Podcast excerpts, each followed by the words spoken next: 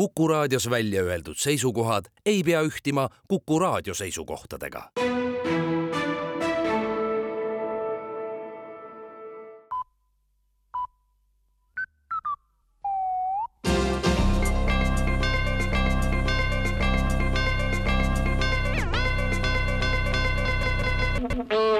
tere kuulama uudiseid stuudios Rohke Debelak alates järgmisest nädalast muutuvad meeleavaldused Toompea lossi ees platsil tasulisteks. platsi rent on sümboolne ja jääb kümne tuhande euro piiresse tunni eest, märgib valitsuse teade. samuti muutuvad tasulisteks arupärimised Riigikogu istungite ajal, sest opositsioon on kasutanud seda õigust kurjast ära ja pärinud aru asjade kohta, millised ei puutu parasjagu menetlevasse küsimusse. ühe arupärimise hinnaks saab olema kolmsada eurot. seda pole palju ja kui inimene tõesti tahab aru pärida, siis selle raha ta ikka leiab muudatusettepanekute tasuliseks muutmine jääb järgmisse aastasse, sest eelnimetatud sammude täideviimine nõuab mitmete muudatuste sisseviimist. tasuliste meeleavalduste, arupärimiste ja parandusettepanekute pealt teenib riik järgmisel aastal eelarvesse kopsakad lisamiljonid, sest opositsioon nendest kuluartiklitest loobuda ei suuda, märgib Rahandusministeerium prognoosis valitsuses on ettevalmistamisel ka headuseelnõu, mis tuleb Riigikogus esimesele lugemisele hiljemalt kevadel.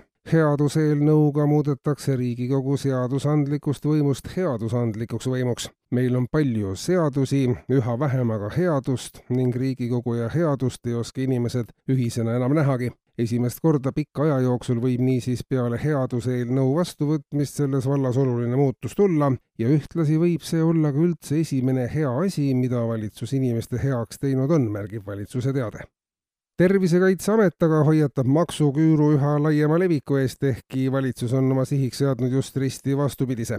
täpsemad uuringud on küll veel pooleli, kuid juba nüüd võib kindlalt väita, et liigselt makse maksva inimese rüht saab oluliselt kannatada ning erinevate maksude all on küürus enam kui kaks kolmandikku riigi elanikkonnast inimeste õlule on laotatud nii palju, et ka kõige tugevamatel tuleb küür selga. suhtumise muutmine võib olla ainus lahendus, sest uuringud toovad välja, et kõige sirgema seljaga ja pea kuklas käivad Eestis ringi inimesed, kes maksudega ja nende maksmisega ei ole kunagi tegelenud ja ka ei kavatse seda tegema hakata tasuta bussisõidust on huvitatud aga üha väiksem hulk reisijatest, nii selgub Transpordiameti ja Majandusministeeriumi ühisest uuringust seitse vastajat kümnest oli seisukohal, et tasuta bussisõit ei meelita kedagi, sest sellise ebamugava tegevuse nagu bussiga sõitmise eest peaks inimesele mingisugust tasu siiski maksma. tegemist on üsna aega raiskava tegevusega, millisest osavõtmise peaks inimesele kas või mingiski osas kompenseerima kuna selleks aga riigil rahalisi vahendeid napib, siis otsustati, et tasuta bussisõit järk-järgult kogu riigis kaotatakse, teatab valitsus.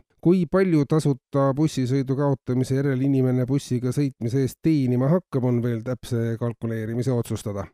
kuulsite uudiseid